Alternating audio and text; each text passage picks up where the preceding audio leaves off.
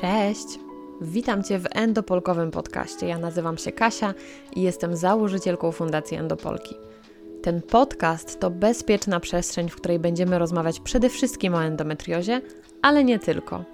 Razem z moimi gośćmi będę poruszać również temat zdrowia kobiecego, zdrowia psychicznego i holistycznego zadbania o ciało i umysł.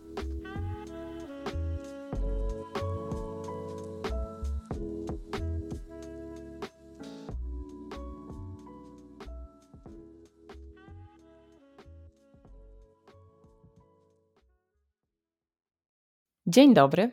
W jakim wieku pojawiła się u Was pierwsza miesiączka? Ja miałam 13 lat i kompletnie nie spodziewałam się, że za kilka lat okres będzie tak bardzo bolał, że czasami nie będę w stanie pójść do szkoły. Wtedy jeszcze nie wiedziałam, że mam endometriozę. Jednak są dziewczęta, które już w tak wczesnym wieku trafiają do ginekologa.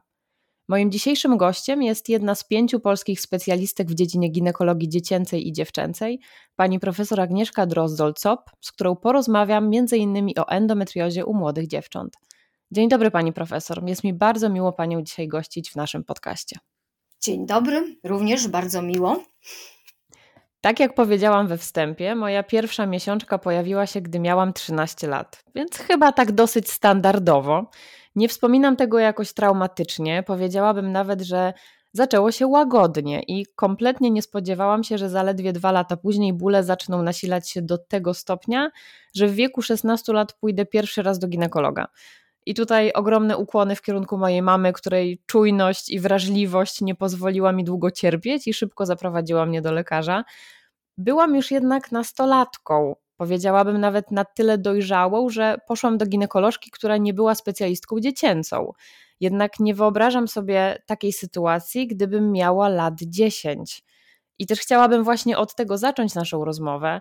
Wyobraźmy sobie taką sytuację, że jest dziewczynka, która zaczyna miesiączkować bardzo wcześnie. Od pierwszej miesiączki ma już silne dolegliwości bólowe, obfite miesiączki.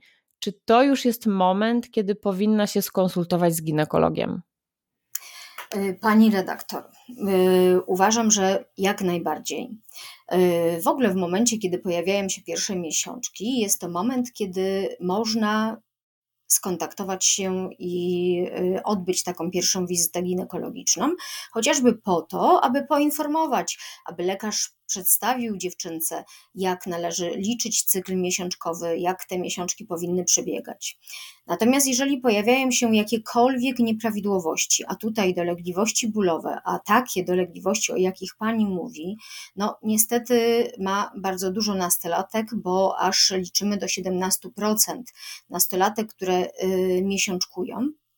I Często są to dolegliwości, które pojawiają się już od pierwszej miesiączki mogą one świadczyć o właśnie występującej endometriozie. Absolutnie mitem jest to, że kiedy urodzisz pierwsze dziecko, przestanie cię boleć. Bardzo często ginekolodzy tak mówią. Yy, tak naprawdę yy, ginekologiem dziecięcą, dziewczęcą zajmuję się od 2006 roku i już wtedy zaczęto poruszać temat już, już y, w światowych organizacjach ginekologii dziecięcej i dziewczęcej. Mówiono o endometriozie u dziewcząt i to bardzo małych dziewcząt, ponieważ zazwyczaj objawy zaczynają się z pierwszą miesiączką, ale są również takie dziewczęta, które mają pierwsze objawy jeszcze nawet do pół roku, roku przed wystąpieniem pierwszej miesiączki. Dlatego wizyta powinna być jak najszybsza, jak najszybsza postawiona diagnoza i włączone leczenie. I rozumiem, że w takim przypadku najlepiej właśnie udać się do ginekologa, który specjalizuje się w ginekologii dziewczęcej dziecięcej. Uważam, że tak, ponieważ y, ginekolodzy, którzy nie zajmują się y, dziewczętami, często nie chcą y, podejmować próby diagnostyki czy próby leczenia takiej młodej nastolatki, takiej młodej dziewczynki. Odsyłają wtedy dziewczynki do ginekologów dziecięcych. Niestety jest nas bardzo mało, y, bardzo mało osób y, ma taki międzynarodowy certyfikat i taką międzynarodową specjalizację.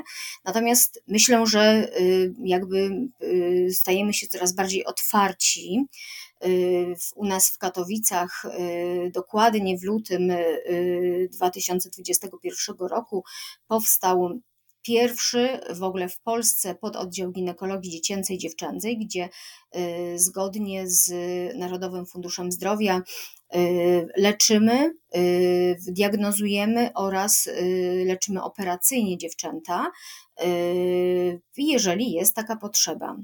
Także ginekolog dziecięcy jak najbardziej i myślę, że taka informacja dla każdej mamy, dla każdej młodej dziewczyny.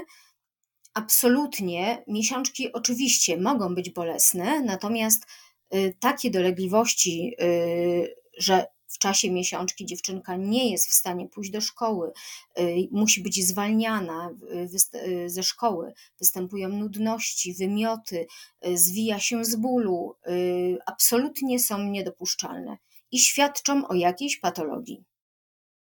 Czy my jesteśmy w stanie pomóc takim młodym dziewczynkom?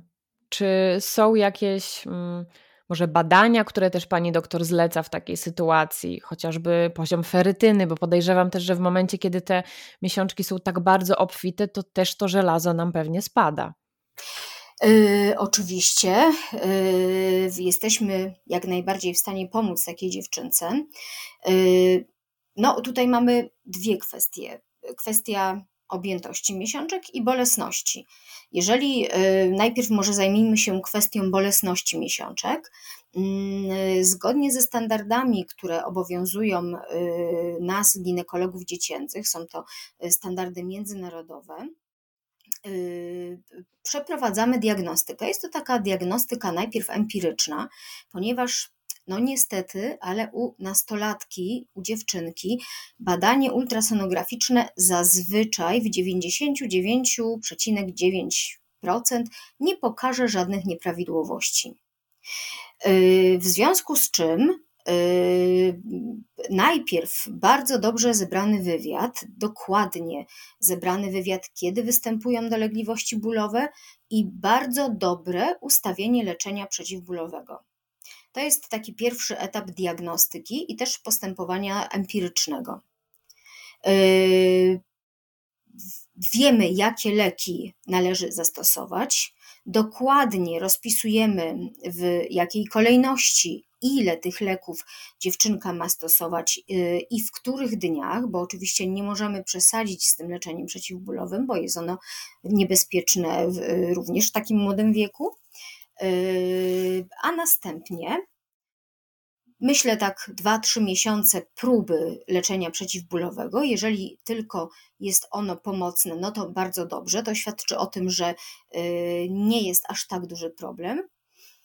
Natomiast w sytuacji, kiedy leczenie przeciwbólowe nie pomaga, kolejnym etapem jest yy, etapem naszej diagnostyki empirycznej jest wprowadzenie na okres co najmniej trzech miesięcy leków antykoncepcyjnych, nawet jeżeli jest to bardzo młoda dziewczynka, to jest trzy miesiące w takim młodym wieku absolutnie nie wyrządzi żadnej szkody y, w układzie hormonalnym. Natomiast zablokuje cykl i da nam odpowiedź na pytanie, czy będą występowały dolegliwości bólowe. Jeżeli dziewczynka wraca po tym leczeniu i yy, określa, ja zawsze pytam w skali od 1 do 10, jak te dolegliwości bólowe przebiegały, czy były takie same, czy były mniejsze, o ile mniejsze, jest to dla nas bardzo ważna informacja, bo jeżeli nie ma poprawy, to znaczy, że musimy pogłębić diagnostykę. No i tutaj już pozostaje nam diagnostyka yy, yy, operacyjna, a mianowicie laparoskopia diagnostyczna. Nawet u takiej bardzo młodej dziewczynki, 10, 11, 12-letniej, ponieważ, jak wcześniej wspomniałam, nie jesteśmy w stanie na podstawie żadnego innego badania rozpoznać endometriozy, gdyż ogniska endometriozy u dziewcząt są zupełnie inne niż ogniska u kobiet dorosłych. To są drobne ogniska, drobne nacieki, które występują y, na powierzchni otrzewnej. Y, widzimy je dokładnie w laparoskopii. Mamy takie charakterystyczne obrazy, które bardzo często też w trakcie różnych konferencji pokazuje lekarzom ginekologom I one Y, dokładnie wiemy, zostało to zbadane y, y, in vitro, że wydzielają jak najwięcej prostaglandyn, czyli substancji, które wywołują ból. I właśnie takie drobne ogniska w postaci endometriozy przezroczystej, w postaci tak zwanych kropli rosy, w postaci drobnych, czerwonych, bladoróżowych nacieków, wielkości 1 mm potrafią dawać takie dolegliwości. I tak naprawdę żadnym badaniem nie jesteśmy w stanie w 100% potwierdzić endometriozy. Bardzo dużo ważnych wątków tutaj pani profesor poruszyła. I powiem szczerze, że jestem zaskoczona, bo nie wiedziałam o tym, że nie mamy badania, które by mogło potwierdzić, że jest endometrioza. Spodziewałam się, że jednak Mm, na takiej wizycie właśnie u ginekologa dziecięcego, dziewczęcego wykonuje się chociażby badanie perektum czy y, USG transrektalny, że od tego zaczynamy, może później jakiś rezonans miednicy mniejszej też pod kątem endometriozy. Czy w ogóle takie badania dają nam jakąkolwiek wskazówkę? E, oczywiście, no ja nie wspomniałam tutaj o wywiad, włączenie leków, ale oczywiście elementem y, takiej wizyty jest przede wszystkim badanie ultrasonograficzne. E, myślę, że wystarczy zwykłe badanie ultrasonograficzne z wypełnionym pęcherzem moczowym, czyli badanie przezbrzuszne. Badanie y, przez rektalne u młodej dziewczynki niewspółżyjącej uważam, że jest bardzo traumatyczne i uważam, że należy wykonywać w wyjątkowych, naprawdę wyjątkowych sytuacjach i tak samo badanie y, ginekologiczne y, przez odbytnicze y, ze względu na traumę, którą wywoła, a da nam niewiele informacji. W badaniu przezbrzusznym, przy dobrze wypełnionym pęcherzu moczowym, dobrym sprzęcie i doświadczeniu już oglądaniu tych obrazów y, przez jakiś czas, naprawdę bardzo wiele możemy y, y, wyczytać informacji. Natomiast na pewno różnicowo możemy wykluczyć inne przyczyny mogące dawać dolegliwości bólowe, czyli zmiany w przydatkach, mam na myśli zmiany y, w jajnikach, jakieś torbiele, które będą widoczne y, w badaniu ultrasonograficznym, y, ewentualnie jakieś wzrosty, które występują, no też nie wszystkie będą widoczne, natomiast te drobne ogniska endometriozy, o których wspominałam, one nie są widoczne. Drugie badanie, czyli rezonans magnetyczny. Y, u dorosłych kobiet bardzo często mówimy, że jest to złoty standard w rozpoznawaniu endometriozy. Natomiast, no niestety, u małoletnich pacjentek, y, po pierwsze, nie mamy takich badań. Y, I też z doświadczenia wiem, że badanie rezonansu magnetycznego naprawdę niewiele wnosi jeżeli y, nie występuje, jeżeli endometrioza y, jest taka typowa dla nastolatki, czyli delikatne, drobne wszczepy, one są po prostu niewidoczne w rezonansie magnetycznym. My teraz jesteśmy w trakcie prowadzenia badania, mianowicie u dziewcząt to jest badanie w, w nasze w, kliniczne, uczelniane Śląskiego Uniwersytetu Medycznego w Katowicach.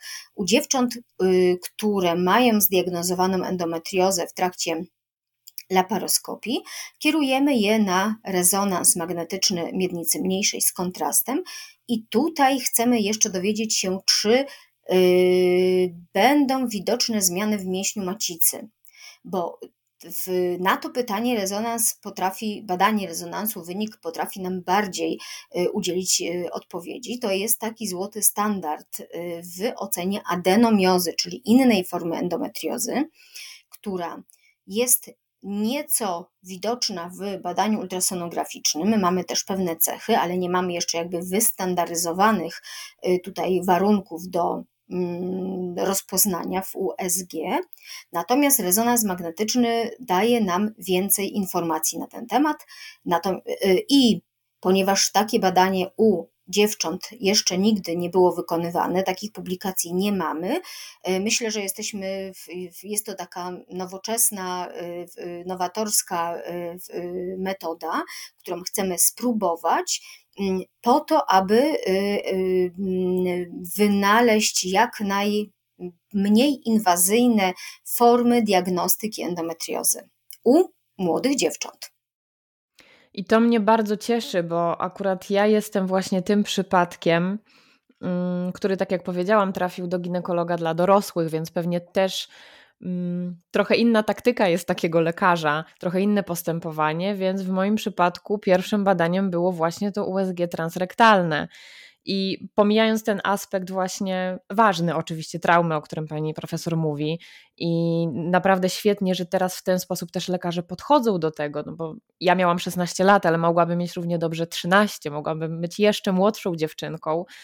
Mm, a druga kwestia, że poza tym, że mm, pani doktor wtedy zobaczyła, że mam torbiele czekoladowe, to nic więcej nie było widać może wtedy już to powinno wskazywać na endometriozę, aczkolwiek ja takiej diagnozy nie dostałam, dostałam ją dopiero 13 lat później, e, kiedy całkowicie inny ginekolog e, po pierwszych kilku minutach w zasadzie USG zobaczył endometriozę głęboko naciekającą. A tutaj były to powiedzmy tylko i aż torbiele czekoladowe, oczywiście duże, więc zostały zastosowane od razu niemalże leki antykoncepcyjne i bardzo silne leki przeciwbólowe.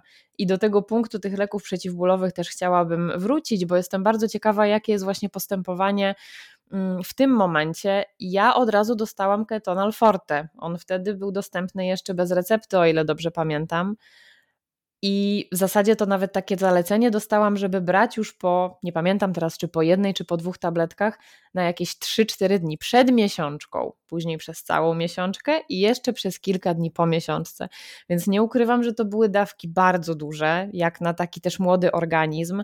I nawet jeśli udało mi się dotrzeć do szkoły na lekcje, to nie miałam zbyt dobrej koncentracji po takiej dawce leków. Czy w tym momencie też takie zalecenia młode dziewczynki dostają? W leczeniu przeciwbólowym, no, niestety y, stosujemy dość silne leki przeciwbólowe, dlatego po pierwsze bardzo ważny jest dokładnie zebrany wywiad i na to należy poświęcić dość dużo czasu, ponieważ y, no, tak jak pani redaktor tutaj mówi, stosowanie leków przed miesiączką, przez całą miesiączkę, czyli kilka dobrych dni w miesiącu jest naprawdę niebezpieczne. Y, ja staram się, y, aby dziewczynka nie brała dłużej leków niż y, przez trzy dni, więc zbieram bardzo dokładnie wywiad, kiedy te dolegliwości występują, dokładnie, kiedy pojawiają się, jakie są to dolegliwości. Y, zwracam uwagę na to, aby zaczęła stosować leki, o których zaraz powiem jakie, y, przeciwbólowe jak najszybciej. Nie wolno, tak jak w każdym leczeniu przeciwbólowym, nie wolno dopuścić do tego, aby ból y, nasilił się, rozhulał i dopiero wtedy leczyć, bo wiadomo, że będziemy stosować większe dawki i będą one nieskuteczne. Stosujemy w momencie, kiedy wiemy, że wystąpi miesiączka, jeżeli są one regularne, albo stosujemy w momencie, kiedy tylko pojawia się y, jakakolwiek dolegliwość y, bólowa. Bardzo dobrym lekiem przeciwbólowym, no mówię tutaj w czasie przeszłym, był e, lek e, kwas mefenamowy, czyli tak zwany mefacit, stary lek e, starej generacji, niesterydowy przeciwzapalny. Niestety od jakiegoś czasu, od pół roku jest on już zupełnie niedostępny i nie ma żadnej formy zastępczej. To był moim zdaniem najlepszy lek, który pomagał y, moim pacjentkom i te, które jeszcze zdążyły wykupić y, i mają jakieś zapasy w domu, to mówią mi, że trzymają ten lek na taką y, naprawdę czarną godzinę, kiedy już nic innego nie będzie pomagać. No i niestety stosujemy leki y, z różnych y, y, półek. Przede wszystkim powinien być to lek niesterydowy przeciwzapalny, czyli nie paracetamol, ale na przykład jeżeli pomaga ibuprofen, to na pewno ibuprofen w większej dawce. Patrzymy też na masę ciała, na to, czy nie ma przeciwwskazań. Czyli taka dawka 200 mg jest zbyt małą dawką. Dawka 400 mg w przypadku ibuprofenu stosowana trzy razy dziennie i do tego zawsze dołączenie na przykład leku rozkurczowego, na przykład Nospa Forte, która ma inny, inne miejsce i y, y, uchwyt działania. Innym lekiem, który typowo y, jest też zalecany w leczeniu bolesnego miesiączkowania, może być diklofenak, Może być również Nimesil, czyli z nowej generacji leków. Też patrzymy dokładnie na masę ciała i na dawki, które możemy stosować. Nimesil możemy stosować nie częściej niż dwa razy dziennie. Jest to moim zdaniem lek jakby drugiej generacji, znaczy drugie, drugiego rzutu, drugiego wyboru po tym mefacicie, którego nie ma. Yy, yy, ketonal, o którym pani redaktor mówiła, czy też Dexak, to są też leki, które pomagają. Natomiast są dziewczęta, które stosują przeróżne leki przeciwbólowe. Nawet mam yy, pacjentkę, która korzystała z terapii, z leczenia bólu w poradni, takiej typowej leczenia bólu. Dziewczęta, które stosują akupunkturę, akupresurę, Y, są to w jakiś sposób pomocne metody, czy y, różne metody y, stosowania i ćwiczeń w tym czasie pilates, yoga, czy stosowanie ciepłych okładów na brzuch może być również pomocne.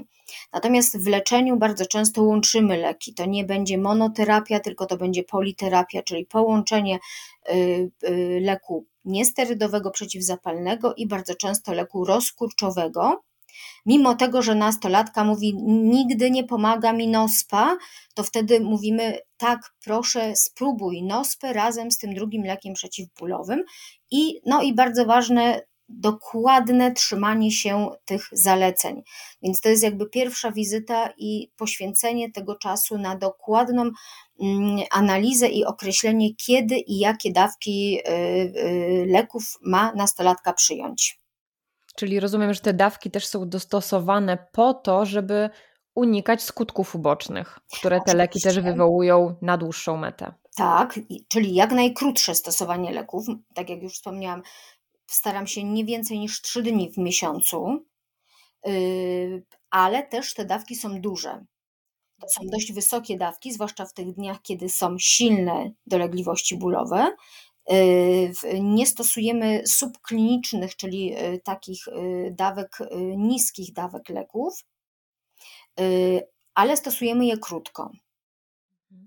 A czy w takich najtrudniejszych dniach jest możliwość, żeby dziewczynka otrzymała zwolnienie lekarskie i nie musiała pójść do szkoły albo jakieś usprawiedliwienie? Czy w ten sposób też pani profesor, powiedzmy, wspomaga swoje pacjentki? Ależ oczywiście wspomagam jak najbardziej. Y, piszę zwolnienie, y, proszę y, szkołę o zwolnienie albo z zajęć, z zajęć WF-u, ponieważ też wiem, że nauczyciele nie, nie wszyscy nauczyciele y, rozumieją problem bolesnego miesiączkowania, więc y, wtedy dziewczynka dostaje zwolnienie na cały rok, ale nie z całego zajęć wychowania fizycznego, tylko w czasie y, tych silnych dolegliwości bólowych, jak również można i staram się wspomagać moje pacjentki w ten sposób, że jeżeli wystąpiłyby takie objawy w czasie jakiegokolwiek egzaminu, egzamin ósmoklasisty czy matura, to również mają możliwość skorzystania z y, takiego y, y, przywileju, który jakby im przysługuje w tym momencie, czyli wydłużenia czasu na tym egzaminie. Bodajże do 30 minut. Y, ze względu na przewlekłą chorobę, bo endometrioza jest chorobą przewlekłą, jest to bardzo podstępna y, y, choroba, która pojawia się już naprawdę w młodym. Ona tak naprawdę pojawia się jeszcze przed miesiączką, według najnowszej teorii, takiej teorii immunologicznej. I ona trwa przez całe nasze życie. W momencie, kiedy dopiero mamy menopauzę, czyli już zupełnie nasze jajniki nie pracują, to wtedy y, ogniska endometriozy są wyciszone. Także kiedy jest endometrioza zdiagnozowana, no to leczenie przeciwbólowe, ale potem też odpowiednie leczenie hormonalne. Uśmiecham się, bo przypominam sobie, jak ja chodziłam do szkoły, pamiętam reakcje przede wszystkim nauczycieli WF-u, i niestety ja nie spotkałam się tutaj z dużym zrozumieniem, raczej z takimi komentarzami, że przecież e, okres to nie choroba i też można ćwiczyć. I teraz, oczywiście, mając y, tę wiedzę, którą mam, wiem, że ruch jest bardzo ważny w kontekście y, chociażby endometriozy, co też zalecają przecież fizjoterapeutki uroginekologiczne. Pani profesor też wspomniała o pilatesie, o jakimś delikatnym ruchu, który naprawdę może nas bardzo wspomóc też w tych mm, bolesnych dniach. Tak, niestety tego zrozumienia wtedy nie było, więc na samą myśl, że kolejne pokolenia właśnie młodych dziewcząt z endometriozą mogą trochę spokojniej też przeżyć ten czas szkolny. I nawet sama świadomość, że w momencie, gdy ten ból się pojawia, bo prawda jest taka, że on bardzo często pojawia się też niezależnie od mhm. cyklu. I nawet się nie spodziewamy, że dzisiaj ten ból się pojawi i będzie tak silny, i na przykład trafi na dzień właśnie jakiegoś ważnego egzaminu. Więc podejrzewam, że też mm, jest to duży komfort psychiczny dla takiej dziewczynki, nastolatki, która jest pod opieką właśnie takiego ginekologa jak pani profesor.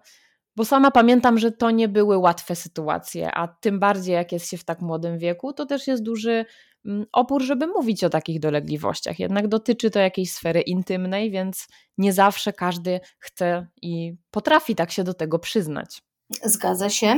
I tutaj pani redaktor jeszcze poruszyła dodatkową kwestię, właśnie atypowość objawów, która jest y, u nastolatek i tym odróżnia nastolatki od dojrzałych kobiet. Dojrzałe kobiety mają bóle, ewentualnie jeżeli mają bóle, to tylko w czasie krwawień.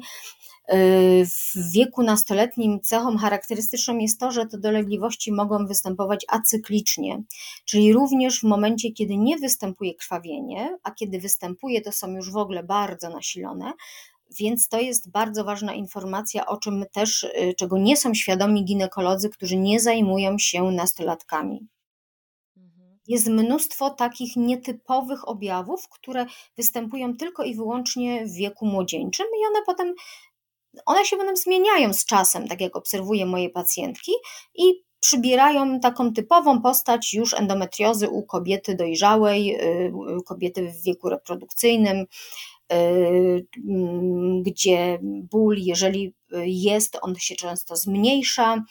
Y, u niektórych pozostaje do końca życia bardzo silny, y, natomiast ma inny przebieg. Rozumiem. Dorosłych kobiet. Razie, mhm. mhm. A w takim razie, jakie objawy powinny nas zaniepokoić? Co takiego w pierwszej kolejności pojawia się, co powinno zapalić w nas taką lampkę ostrzegawczą? Mhm.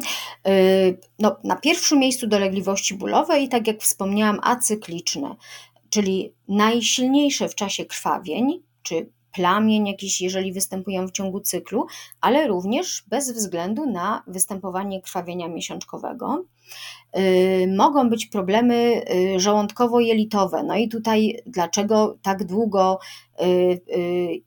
trwa proces y, rozpoznania endometriozy. No bo jeżeli boli brzuch, no to dziecko trafia z rodzicami do pediatry, y, y, jest skierowane do gastroenterologa i przeprowadzane są różne badania, w tym badania w kierunku występowania pasożytów czy różnych schorzeń jelit. No to jest jakby pierwsza, mm, pierwsza tutaj droga, pierwszy, pierwszy krok. Y, y, wszystkie wyniki wychodzą prawidłowe, wszystko zostaje wykluczone. No i teraz y, co dalej? No, zanim pediatra pomyśli o tym, żeby dziecko skierować do ginekologa, no to jeszcze pozostaje urolog, bo czasem pojawiają się problemy z oddawaniem moczu czy bolesne oddawanie moczu, problemy z oddawaniem stolca, bolesność w trakcie oddawania stolca, czasami pojawia się krew. No więc to wszystko jakby y, y, przedłuża mm, nam, wydłuża nam czas do postawienia prawidłowej diagnozy. I y, średnio wyliczono, że co najmniej, co najmniej mijają 2-3 lata, to tak najszybciej, kiedy y, dziewczynka trafia do lekarza ginekologa i wtedy, y, jeżeli ginekolog postawi prawidłowo diagnozę, jest rozpoznana endometrioza i jest dopiero wtedy włączone leczenie i dolegliwości wtedy y, ustępują bądź znacznie zmniejszają się ale mam, na, mam nadzieję, że tutaj y, takie nasze rozmowy, czy też coraz więcej informacji na temat tego, że jest ten problem, y, że on istnieje nie tylko w grupie kobiet dojrzałych, ale również u dzieci, Co jeszcze, taka multidyscyplinarność konferencji. Jestem bardzo często zapraszana przez pediatrów na różne wykłady i na, na takie seminaria, gdzie też rozmawiamy o tym, w jaki sposób zająć się dzieckiem, bo to nie dotyczy tylko samej endometriozy, ale również, również innych schorzeń, y, gdzie y, nie zdajemy sobie sprawy, że one mogą również występować w bardzo młodym wieku. Jest to bardzo ciekawe, jak właśnie pani profesor mówi o tych objawach, bo to są takie same objawy, które ja miałam i w zasadzie już mm, nawet nie będąc nastolatką, a dużo później, i właśnie też na podstawie takich objawów i przede wszystkim bardzo obszernego wywiadu, który przeprowadził w końcu jakiś lekarz, mogliśmy dojść do tego, że to jest właśnie endometrioza. Nie spodziewałam się, że właśnie w tak młodym wieku u dziewczynek już mogą się pojawiać takie problemy jak y, bolesne oddawanie moczu, bolesne wypróżnienie. Mhm. I tak naprawdę, jak sobie nawet pomyślę o dzieciach, to dzieci mają bardzo często takie dolegliwości. Oczywiście nie wszystkie od razu się łączą pewnie z endometriozą, ale tym bardziej domyślam się, że tutaj rozpoznanie tej poprawnej diagnozy jest jeszcze bardziej utrudnione, bo jednak dzieci często boli brzuch ze tak. stresu w szkole, jakieś problemy, powiedzmy, koleżeńskie, przyjacielskie, sprawdziany, i zawsze jakoś w ten sposób to się tłumaczyło, a rzadko kiedy ktoś to łączy z tym, że to może być objaw choroby. Tak, dlatego bardzo się cieszę, że nawiązuje się taką y, multidyscyplinarną y, tutaj rozmowę postaci konferencji, w postaci zjazdów y, z y, lekarzami innych specjalizacji, y, pediatrami, chirurgami dziecięcymi, no też bardzo, bardzo chwalę sobie współpracę z naszymi chirurgami tutaj na Śląsku, chirurgami dziecięcymi, którzy nawet wczoraj otrzymałam, przyszła młodociana pacjentka ze swoją mamą i nagrany zabieg laparoskopii, usunięcie wyrostka robaczkowego, gdzie lekarz, y, pan y, doktor, ordynator y, z Centrum Sosnowca, już, ponieważ no, mieliśmy wcześniej kontakt, też te problemy były poruszane.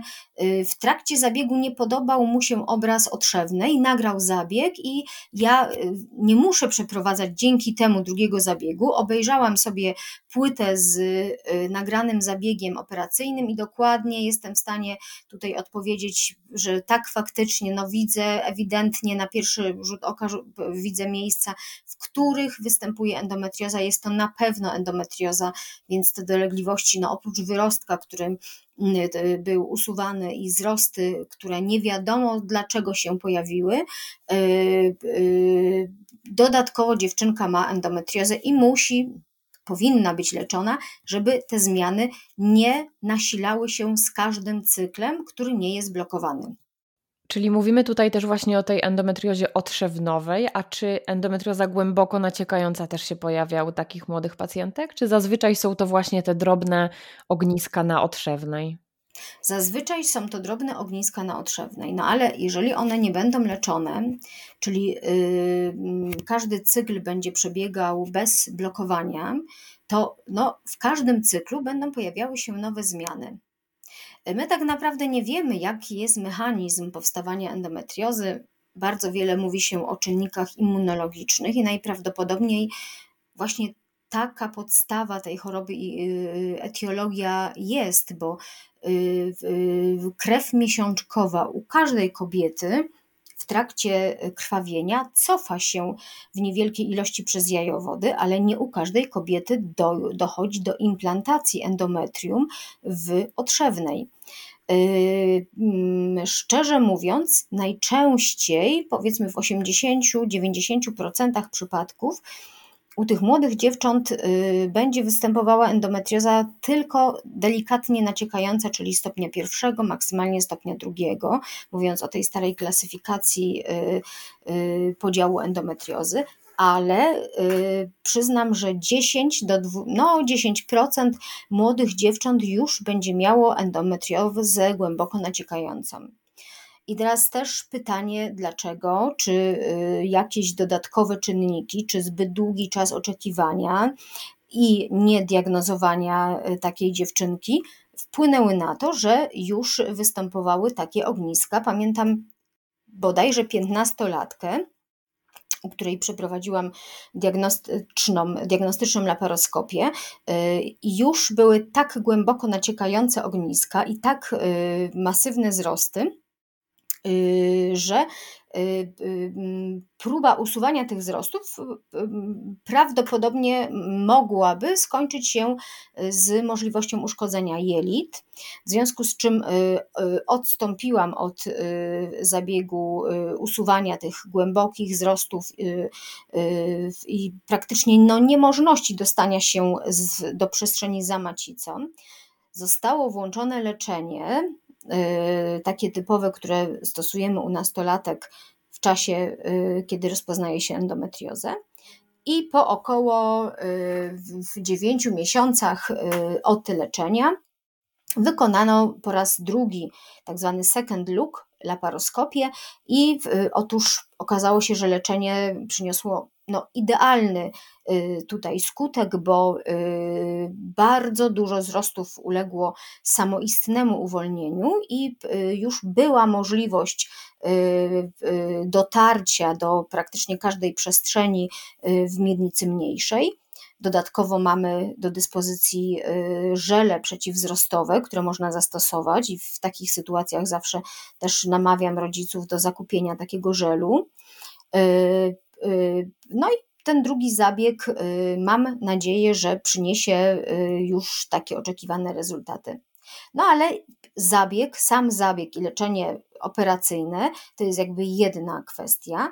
Natomiast musimy pamiętać też o tym, że no, u każdej pacjentki Y, która y, cierpi na endometriozę, obojętnie czy to jest dziewczynka 12-13-letnia, czy to jest kobieta 30-40-letnia, to oprócz leczenia operacyjnego musimy stosować również leczenie farmakologiczne.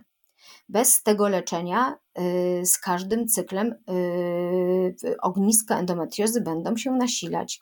No i tutaj też mam taki y, feedback od pacjentek, że no nie wszyscy lekarze takie leczenie farmakologiczne wdrażają wykonują zabiegi operacyjne, a następnie y, tylko obserwują pacjentki, no i potem mija rok, dwa, no i okazuje się, że no znowuż musimy wykonać zabieg operacyjny, bo mm, dolegliwości czy też zmiany widoczne już nawet w ultrasonografii y, są powtórnie i y, wymagają zabiegu operacyjnego.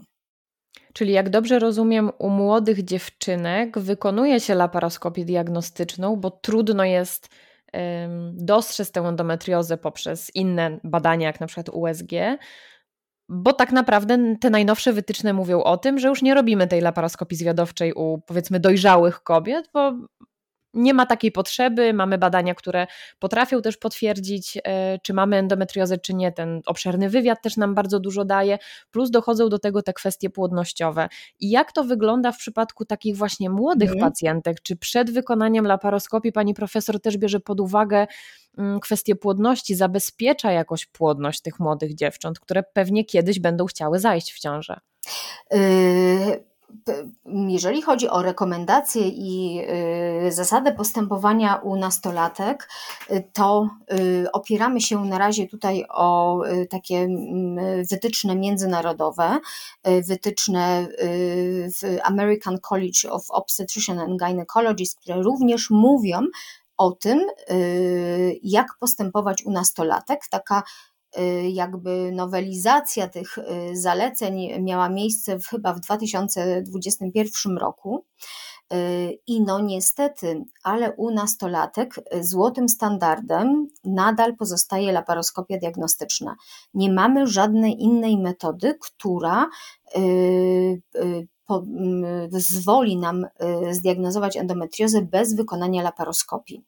Nie musimy pobierać materiału do badania histopatologicznego, od tego odchodzi się, natomiast wystarczy y, y, zwizualizować zmiany i w ten sposób się je rozpoznaje.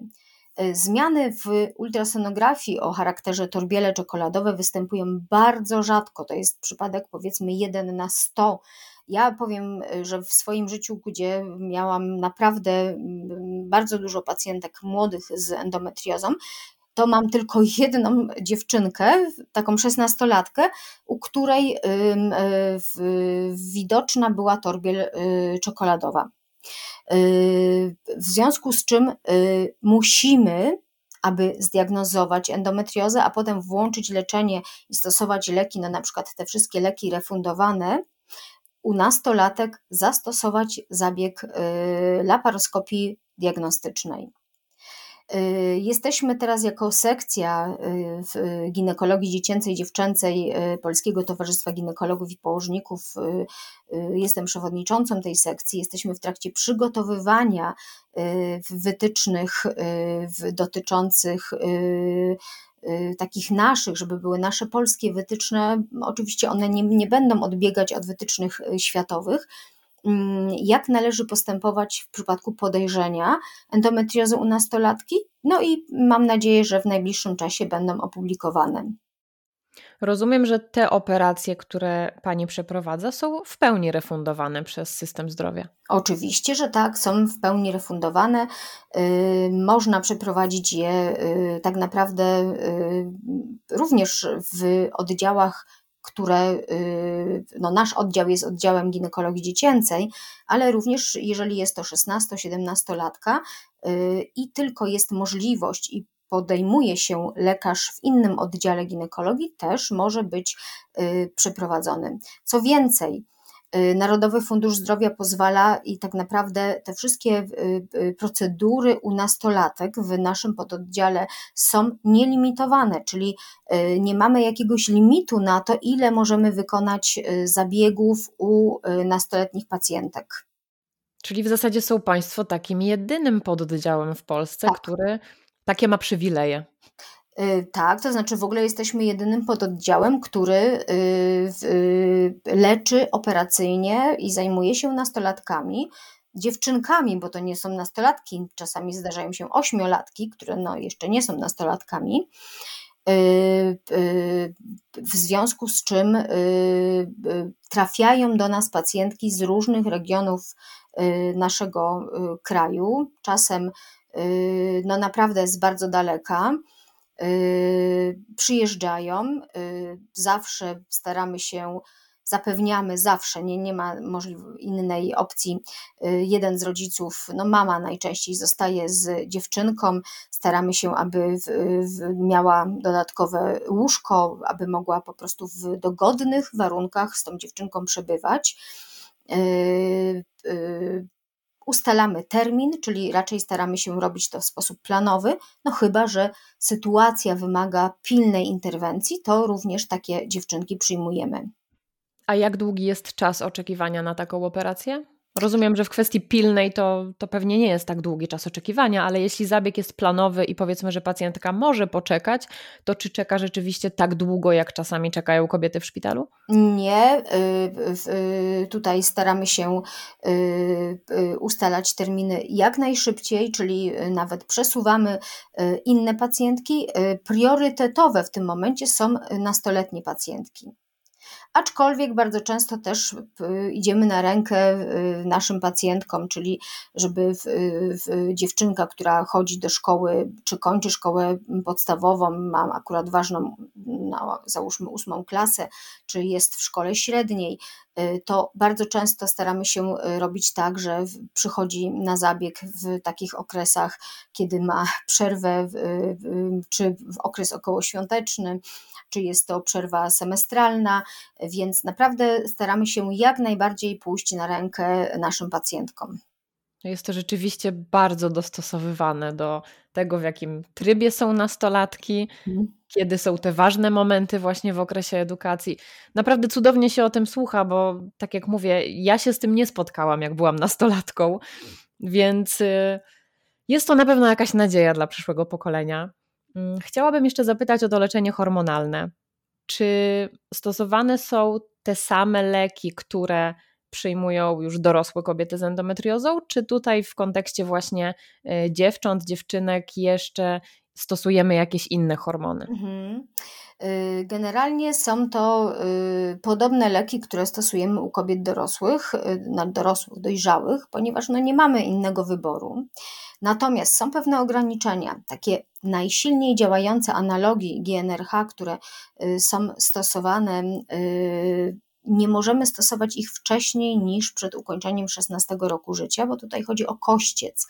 Y, szczytowa masa kostna osiągana jest w wieku 18 roku życia. Jeżeli wcześniej y, stosujemy leki, no możemy zaburzyć y, szczytową masę kostną.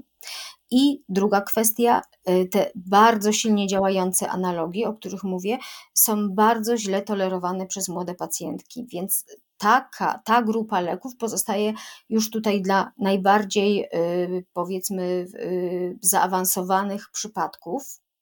Natomiast druga grupa, a mianowicie preparaty y, z dienogestem, 2 mg dienogestu, które są stosowane, jest ich mnóstwo teraz form tych preparatów są one bardzo mocno refundowane, dlatego też, tak jak wspomniałam, musi być potwierdzona diagnoza, żeby lekarz mógł przepisać tak mocno refundowany, bardzo refundowany lek.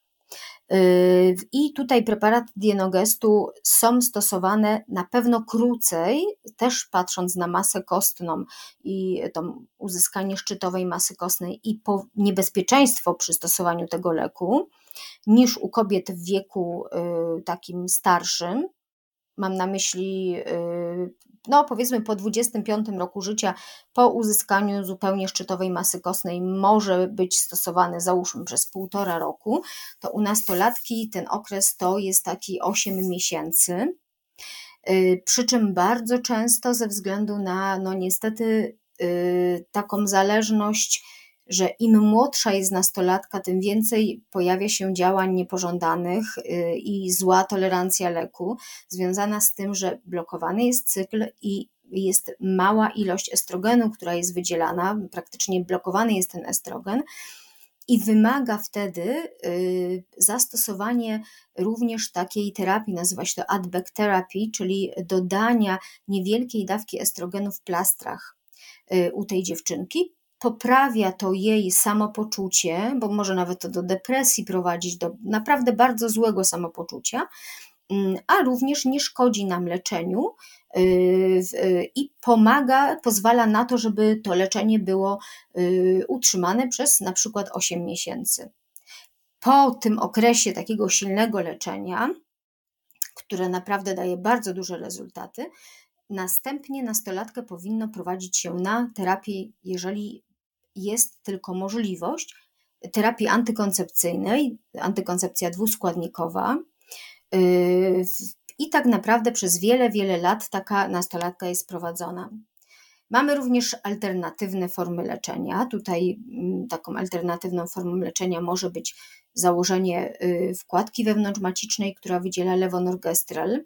Też mam takie przypadki, gdzie zupełnie u nastolatki, nawet takiej niewspółżyjącej, w znieczuleniu ogólnym, w krótkim znieczuleniu po wyrażeniu zgody rodziców.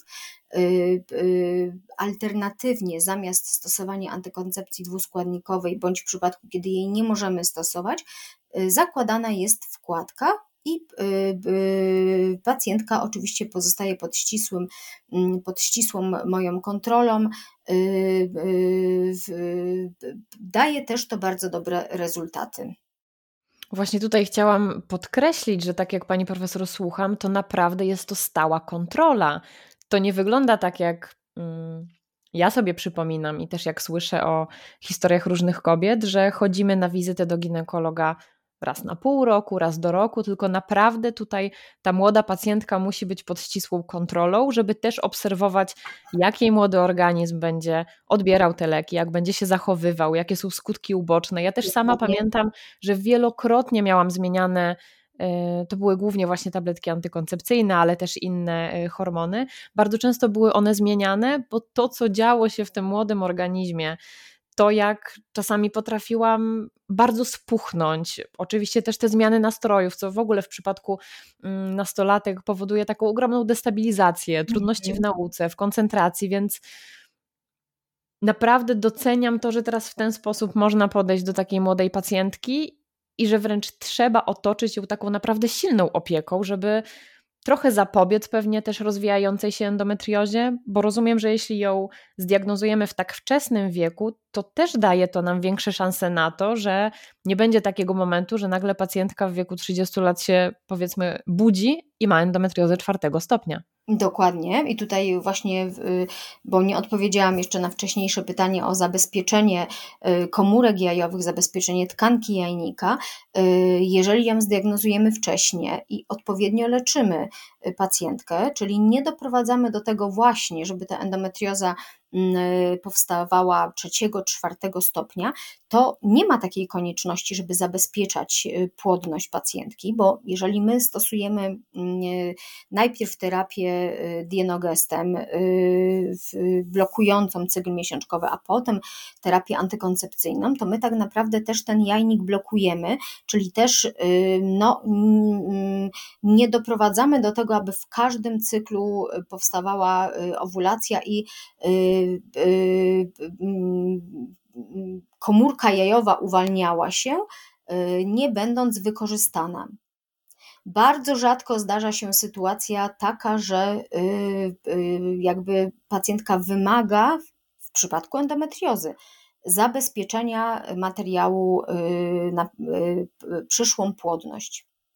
To jest, myślę, temat na inną rozmowę, bo jest wiele innych mm, schorzeń nastolatek i młodych kobiet, gdzie y, taki problem istnieje. No, niestety nie jest on do końca rozwiązany w naszym kraju, to znaczy, y, mam na myśli refundację takiej procedury, bo oczywiście rodzice mogą podjąć się mm, y, wykonania Y, zabezpieczenia y, czy tkanki jajnikowej, czy komórki jajowej, ale tak naprawdę robią to już wtedy we własnym zakresie, czyli w, y, muszą zapłacić za tą procedurę. Niestety nie jest to refundowane przez Narodowy Fundusz Zdrowia, a przecież mnóstwo młodych kobiet otrzymuje chemotoksyczne preparaty. No mam na myśli tutaj w przypadku różnych nowotworów, które jedne bardziej, a drugie mniej niszczą tkankę jajnikową. Oczywiście jest to bardzo szeroki temat, tak jak pani profesor mówi, na kolejną rozmowę i pewnie też warto go poruszyć.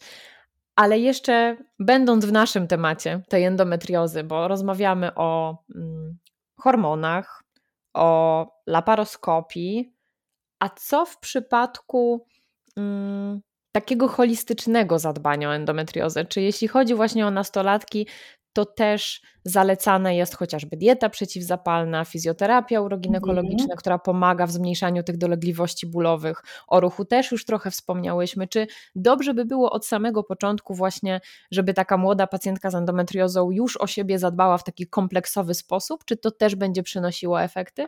Tak, jak najbardziej. Zachęcam wszystkie moje pacjentki, y, aby zapoznały się y, y, tutaj internetowo, jaka dieta, bądź kieruję również do dietetyków. Mam takich wybranych swoich dietetyków, z którymi współpracuję.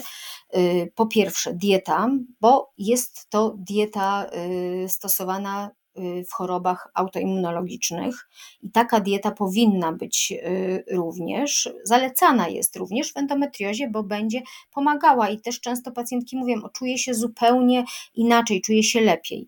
Druga kwestia to jest ruch i też odpowiedni ruch, bo nie podnoszenie ciężarów czy y, jakiś bardzo intensywny, ale na przykład yoga czy mm, pilates, które bardzo pomagają.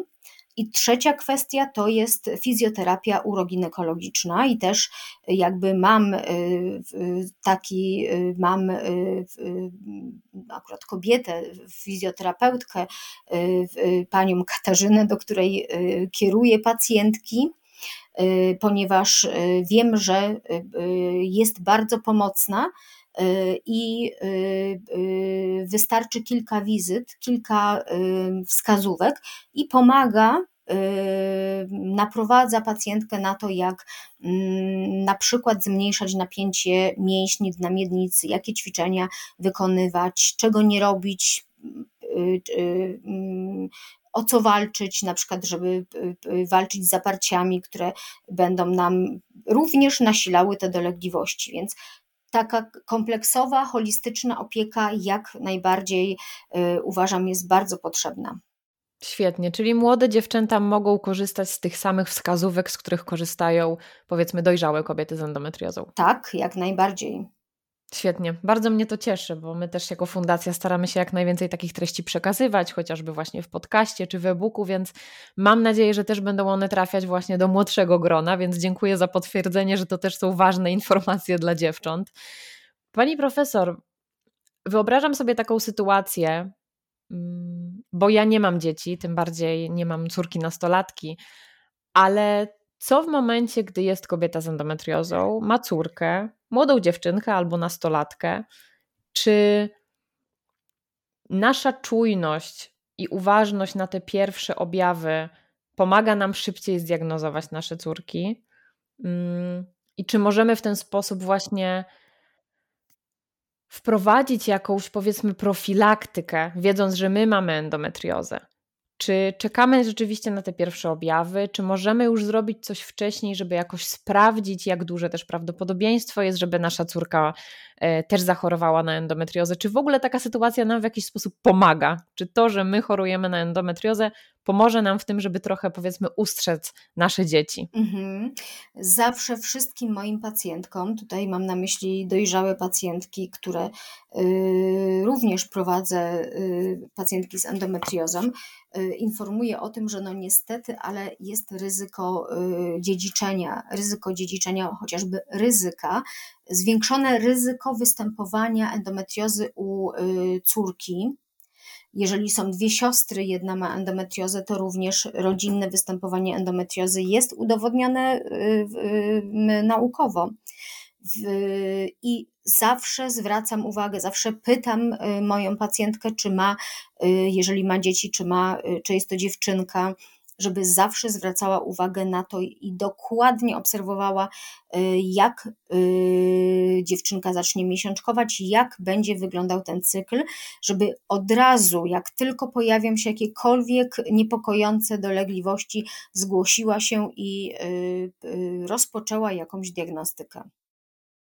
Czyli czujność od samego początku tak. to jest najbardziej właściwa droga do pomocy tym dzieciom. Dokładnie i odwrotnie, kiedy y, trafia młoda dziewczynka, to też zawsze pytam, czy w rodzinie ktokolwiek miał endometriozę. No i tutaj myślę, że tak w 80% potwierdza się, że tak, w rodzinie no, najczęściej mama y, ma endometriozę i y, mamy często też już są bardzo wyczulone na tym punkcie, więc jeżeli tylko cokolwiek się zaczyna dziać u, y, u córki, to od razu trafiają do y, lekarza i próbują mm, jak najszybciej y, zdiagnozować swoją córkę i mm, zmniejszyć te wszystkie dolegliwości, przez które przechodziły same.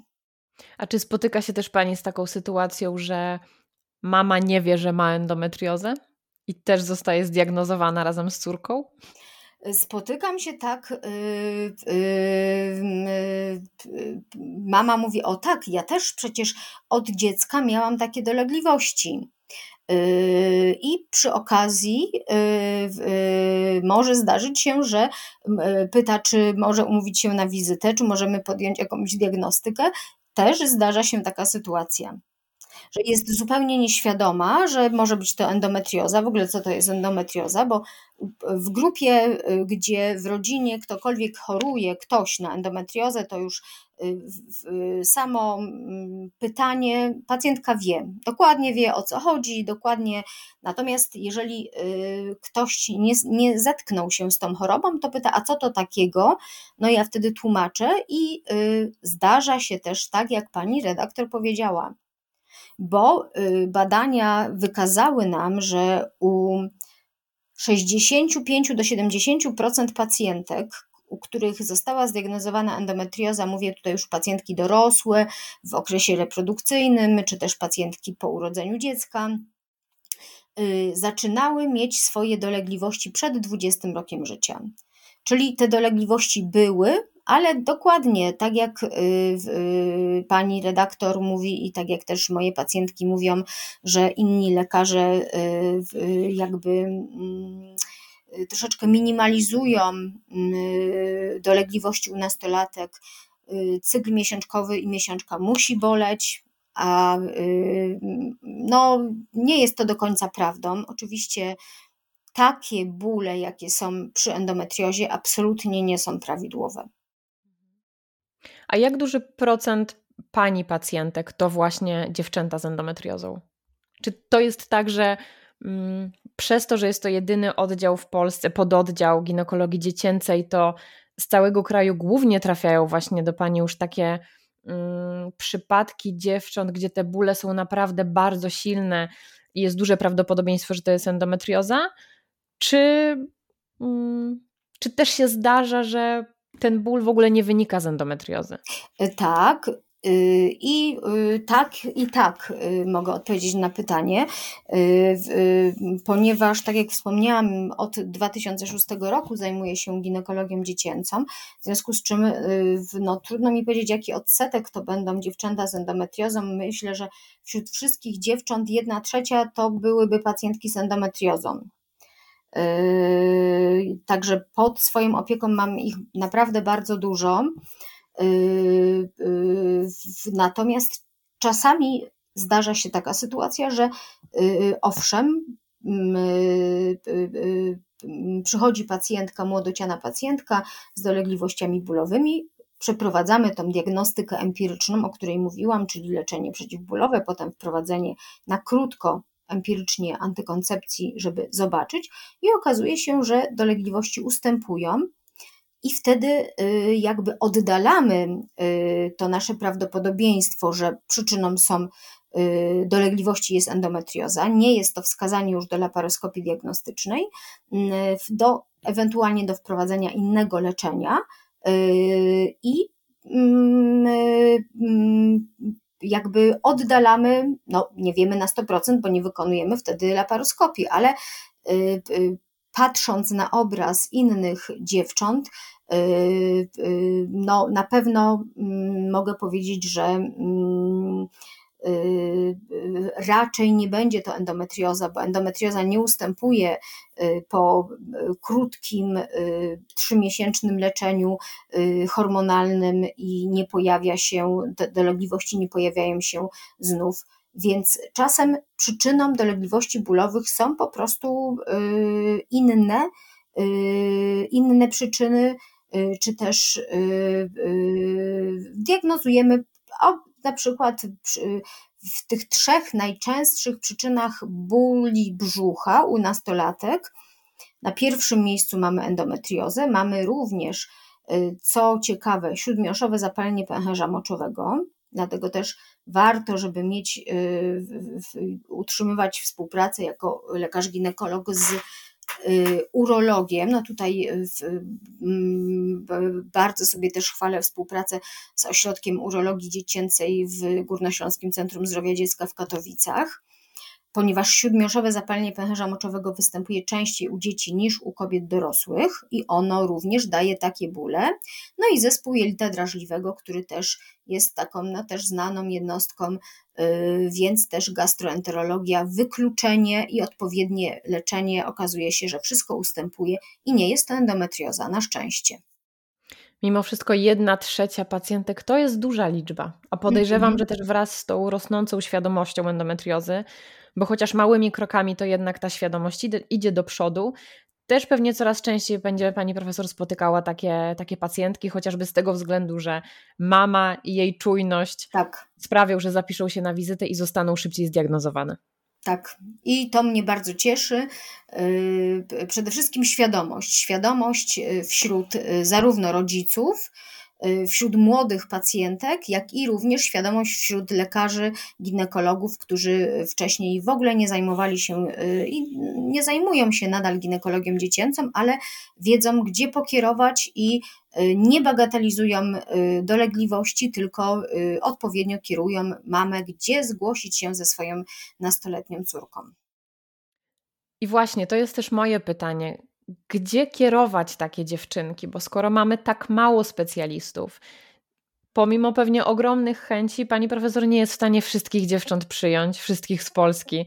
Więc jaką pani by mogła dać radę na przykład dla mm, mamy dziewczynki, powiedzmy w Poznaniu, we Wrocławiu, w jakimś innym mieście, gdzie nie ma takiego pododdziału ginekologii dziecięcej, gdzie nie ma specjalistów, jeśli chodzi o ginekologię dziecięcą? Czy lepiej udać się do po prostu do ginekologa, czy udać się do pediatry, czy co w takiej sytuacji w ogóle trzeba zrobić?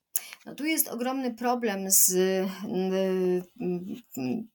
No, ciężko odpowiedzieć mi na to pytanie, natomiast y, co mnie cieszy? Na pewno y, ilość y, lekarzy ginekologów, którzy zaczynają interesować się ginekologią dziecięcą. Bo w momencie, kiedy y, organizuję y, mm, jakieś spotkania, kursy, wykłady, seminaria, coraz więcej osób zaczyna interesować się ginekologią dziecięcą i jest zainteresowane również zrobieniem mm, czy też zdaniem tego egzaminu międzynarodowego, żeby czy podszkoleniem się, żeby jak najwięcej się y, nauczyć z ginekologii dziecięcej. Jest taka możliwość, bo wtedy my się umawiamy, y, mm, zazwyczaj są to kobiety, y, ginekolożki, przyjeżdżają do nas do szpitala, umawiamy się na konkretne dni i one się uczą. Ja również staram się, aby nasz oddział, jako jedyny w Polsce, był y, y, y, mm, oddziałem akredytowanym przez Międzynarodowe Towarzystwo Ginekologii Dziecięcej i Dziewczęcej do odbycia stażu przed egzaminem, tym międzynarodowym egzaminem z ginekologii dziecięcej i dziewczęcej, ponieważ myślę, że spełniamy już wszystkie warunki ku temu. Mamy już tak dużo procedur, że no, jestem w trakcie mm, jakby mm, starania się o tą akredytację. Natomiast no, niestety y, muszę przyznać, że mało jest jeszcze lekarzy i powoduje to, że właśnie na przykład zgłasza się do mnie bardzo dużo pacjentek, bardzo dużo przyjeżdża gdzieś z odległych terenów. Czasem mnie to przeraża, jak mamy mówią, że wstają w, w nocy, jadą przez tam 6-7 godzin y, i przyjeżdżają, y, żeby po prostu umówić się na wizytę. No, ja też nie jestem mm, oczywiście y, w stanie dokładnie mm, przyjąć wszystkich osób, które chciałyby no już poprzez ten oddział, poprzez kursy, które y, y, są organizowane raz w roku, y, Centrum Edukacji Lekarzy, z którym współpracuję, organizuje zawsze to jest początek września, pierwszy, drugi września, jakoś zawsze tak to wypada. Organizujemy kursy dla lekarzy ginekologów, kurs z ginekologii dziecięcej i dziewczęcej. No i dzięki temu y, y, jakby mam takie już rozeznanie, że jeżeli jest to Poznań, to proszę zgłosić się do takiego lekarza. Jeżeli jest to y, na przykład Rzeszów, to do takiego lekarza. Oczywiście z roku na rok widzę, że jest coraz więcej takich możliwości. Świetnie, to też jest bardzo dobra wskazówka dla lekarzy ginekologów, którzy mam nadzieję też posłuchają tej rozmowy i będą wiedzieć, że takie szkolenie można odbyć. I nie pozostaje mi nic innego, jak życzyć i dziewczętom, ale też pani profesor, żeby więcej lekarzy interesowało się tym tematem ginekologii dziecięcej i żeby powstawało więcej takich specjalistycznych ośrodków, pododdziałów, właśnie jak ten, w którym pani profesor pracuje. Podejrzewam, że to będą lata, nic się nie dzieje z dnia na dzień, ale jednak mam nadzieję, że idziemy ku dobrym zmianom. Bardzo dziękuję za dzisiejszą rozmowę. Uważam, że pojawiło się tutaj ogrom wartościowych informacji i naprawdę chciałabym, żeby też ta rozmowa była właśnie taką wskazówką dla, dla mam, które mają córki, które podejrzewają u swoich córek endometriozę. I myślę, że nieraz jeszcze ten temat będzie poruszony, bo też czuję, że coraz więcej informacji się pojawia, też medycyna pewnie idzie do przodu mm. i pani mhm. profesor też za kilka lat będzie mogła opowiedzieć o innych postępowaniach. Może będą już jakieś badania, które mm, sprawią, że nie będzie potrzebna ta laparoskopia zwiadowcza, że, no. będziemy, że lekarze będą mogli w trochę inny sposób już zdiagnozować taką młodą pacjentkę. Taką mam nadzieję i też w tym kierunku y, naukowo, bo oprócz tego, że pracujemy y, jakby klinicznie, zajmujemy się pacjentkami, pracujemy również naukowo, prowadzimy, mam taki zespół, y, który zajmuje się razem ze mną ginekologiem dziecięcą, prowadzimy różne badania z zakresu i endometriozy, i innych chorób u dziewcząt. I mam nadzieję, że przy następnej rozmowie, y, czy w najbliższym czasie, będzie możliwość powiedzenia tak. Y, wspaniale, wystarczy pobrać y, krew, wystarczy oznaczyć jakieś markery, i wtedy wiemy, że mamy do czynienia z endometriozą. Wszyscy Bardzo bym ten moment tego życzyła. Wszyscy czekamy na ten moment i oczywiście też ja e, życzę tego wszystkim endopolkom, młodszym, dojrzałym, po prostu wszystkim. Pani profesor, bardzo, bardzo dziękuję za Pani czas, za zaangażowanie, za całą pracę, którą Pani wykonuje. E, I życzę dużo przede wszystkim energii do tego, bo tutaj energia, te zasoby energetyczne e, na pewno są bardzo potrzebne, żeby wykonywać taką pracę. Bardzo serdecznie dziękuję. Dziękuję Pani redaktor za miłą rozmowę. I mam nadzieję, że do usłyszenia. Dziękuję i do usłyszenia. Jest mi bardzo miło, że zechciałaś, zechciałeś spędzić swój czas słuchając tego odcinka. Jeśli treści przekazywane w tym podcaście są dla Ciebie ważne, zachęcam do przestrzeni Patronite, gdzie możesz wesprzeć Fundację Endopolki. A jeśli o wsparciu mowa, to z tego miejsca chciałabym ogromnie podziękować patronkom i patronom fundacji, dzięki którym powstał ten podcast. Mam nadzieję, że czujecie się jego częścią. Do usłyszenia za tydzień.